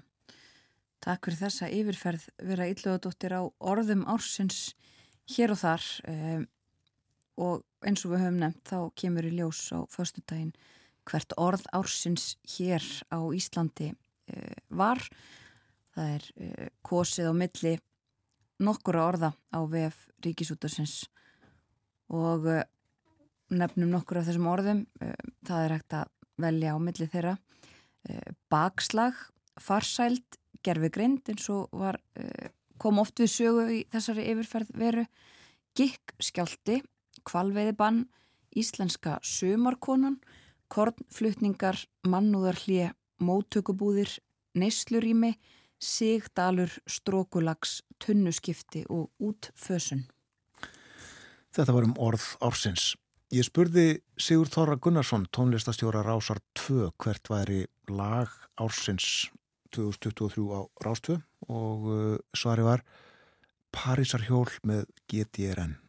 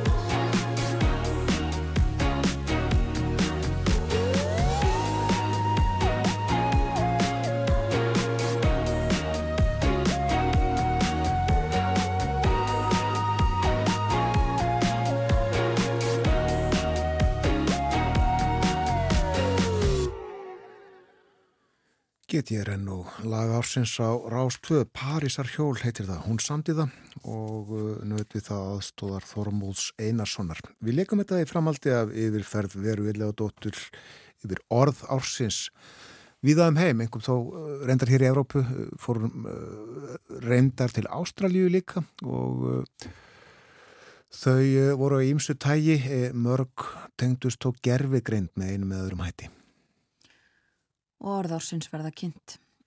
Hér eftir nokkra daga bæði það sem að uh, lesendur á vef Ríkisútursins velja og uh, líka orðið sem að árnastofnun velur. Það er, þetta er gert með ólíkum hætti.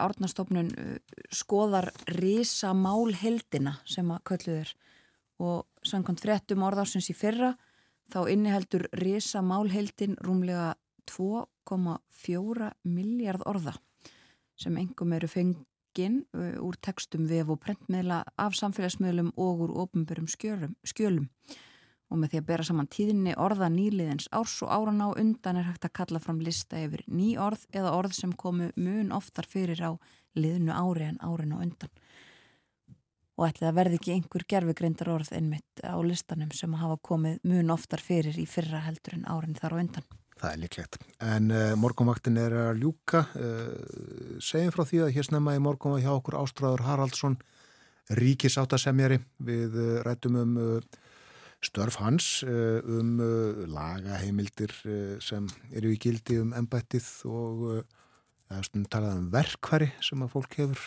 til þess að beita sér í störfum sínum. Verkvarakistur. Og stöðuna uh, í uh, viðræðum samtaka aðtun lífsins og breyðfylkingar verkaliðsfélaga sem að uh, er ekki orðin dela en það verið fundur í dag í húsakinnum sáttasemjara og svo var hjá okkur Borgþór Argrímsson og við töluðum engum um drotninguna dönsku í spjalli um það sem að efstir á bau í Danmörku þessa dagana. Já, komum þó aðeins inn á aftaka veður í Danmörku. Það gengur yfir í dag uh, stærstan hluta Danmörkur held ég að með segja að minnstakosti. Uh, eh, Víða von á alltaf 50 cm jafnföllnum snjó og uh, annar staðar rigningu og kvasveri. Og hlustendum bendu við á sallbungana varhugaverðu eins og við gerðum í gjármorgun fljúandi halka á vegum og einnig gangstjættum og annar staðar þar sem að fólk fer um. Björn Þóru og Þórun Elisabeth þakka samfélgina frá því snemma í morgun. Við verðum á okkar staði fyrramálið. Verðið sæl.